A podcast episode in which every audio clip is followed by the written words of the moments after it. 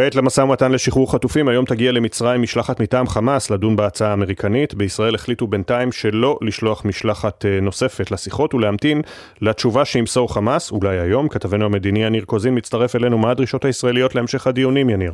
שלום אפי, אז למעשה הדרישה של ישראל מתבקשת ביותר, קטנה ולא גדולה במיוחד, אבל היא בהחלט מתבקשת, והיא שחמאס יעביר את שמות החטופים החיים שנמצאים ברשותו. כלומר, להבין מי נמצא בתוך הקבוצה הזאת של נשים, ילדים, גברים מבוגרים וגברים חולים ופצועים, כדי לדעת למעשה מי צפוי להשתחרר ושלא יקרה המצב כפי שקרה במתווה הקודם, בו חמאס שמר לעצמו קבוצה של נשים בעיקר ולא שחרר אותם. בעצם מנסים למנוע כאן מצב שבו הוא יהפוך עוד ועוד אה, אה, חטופים לקלפי מיקוח בהמשך. חמאס בינתיים מתנגד, הטענה שלהם זה שהם לא יודעים איפה נמצאים כל החטופים, לא כולם ברשותם והם צריכים למצוא אותם. ישראל לא מוכנה לעניין הזה ומתעקשת על שמות החטופים, כאמור, בקשה מתבקשת מאוד. בנוסף לכך, ישראל מבקשת פשוט שחמאס תענה על המתווה שהושג בפריז 1 ובפריז 2, וגם יצקו בו תוכן במהלך הפגישות בשבוע שעבר בקטר. חמאס עדיין לא החזירו תשובה, היום משלחת של חמאס צפויה להגיע לקהיר והם צפויים לעשות את זה, כלומר להגיש את התשובה שלהם, איפה הם עומדים, מהן הדרישות של חמאס, ובעיקר האם הם מסכימים גם למפתח של כעשרה אה, אסירים על כל חטוף ישראלי שלנו. על שאר הדברים יש הסכמה, שישה שבועות של הפסקת אש, הגדלת הסיוע ההומניטרי, כל הדברים הללו. בינתיים, גם בישראל, אבל צריך לומר, גם בקהיר, גם בדוחה וגם בוושינגטון, מחכים לתשובת חמאס. ובתוך כך, יניר, באופן, איך נאמר, לא בלתי קשור, במהלך סוף השבוע ארה"ב הצניחה סיוע הומניטרי ממטוסים אמריקניים לשטח הרצועה. מה משמעות המהלך מלבד הצורך להגדיל את הסיוע לעזה? תראה אפי, קודם כל המשמעות היא שבעצם האמריקנים לא מרוצים מהאופן שבו ישראל מנהלת את הסיפור ההומניטרי.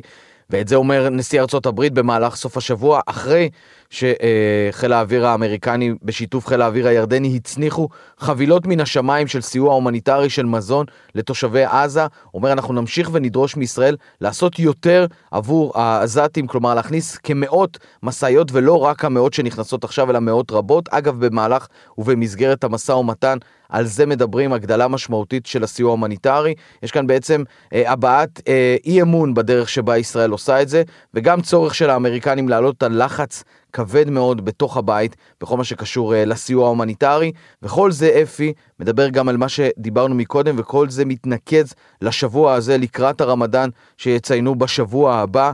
בעצם גם הסיפור הזה של הסיוע ההומניטרי, ובעיקר הפסקת האש, וגם הסיפור של הר הבית, הכל מתנקז לשבוע הזה.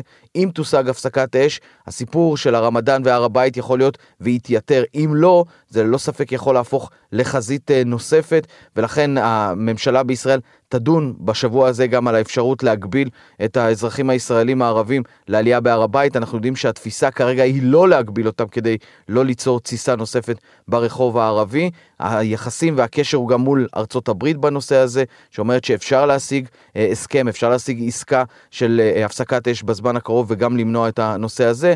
ובתוך כך נציין שהלילה המריא השר, שר הקבינט המלחמה, השר בני גנץ לארצות הברית, הוא ייפגש שם עם סגנית הנשיא קמלה האריס, נסיעה שראש הממשלה לא אהב אותה בעיקר נוכח העובדה שגנץ עדכן אותו רק לאחר שהוא סגר כבר את כל הפגישות בסוף השבוע, ונתניהו הבהיר לו שיש רק ראש ממשלה אחד, אבל צריך לומר, נסיעה של גנץ הברית בשלב הזה יכולה אולי להביא לרגיעה במשהו ביחסים בין וושינגטון לירושלים, שכמובן חשובים מאוד לנו גם בהמשך ניהול המלחמה. תודה יניר. ממש עוד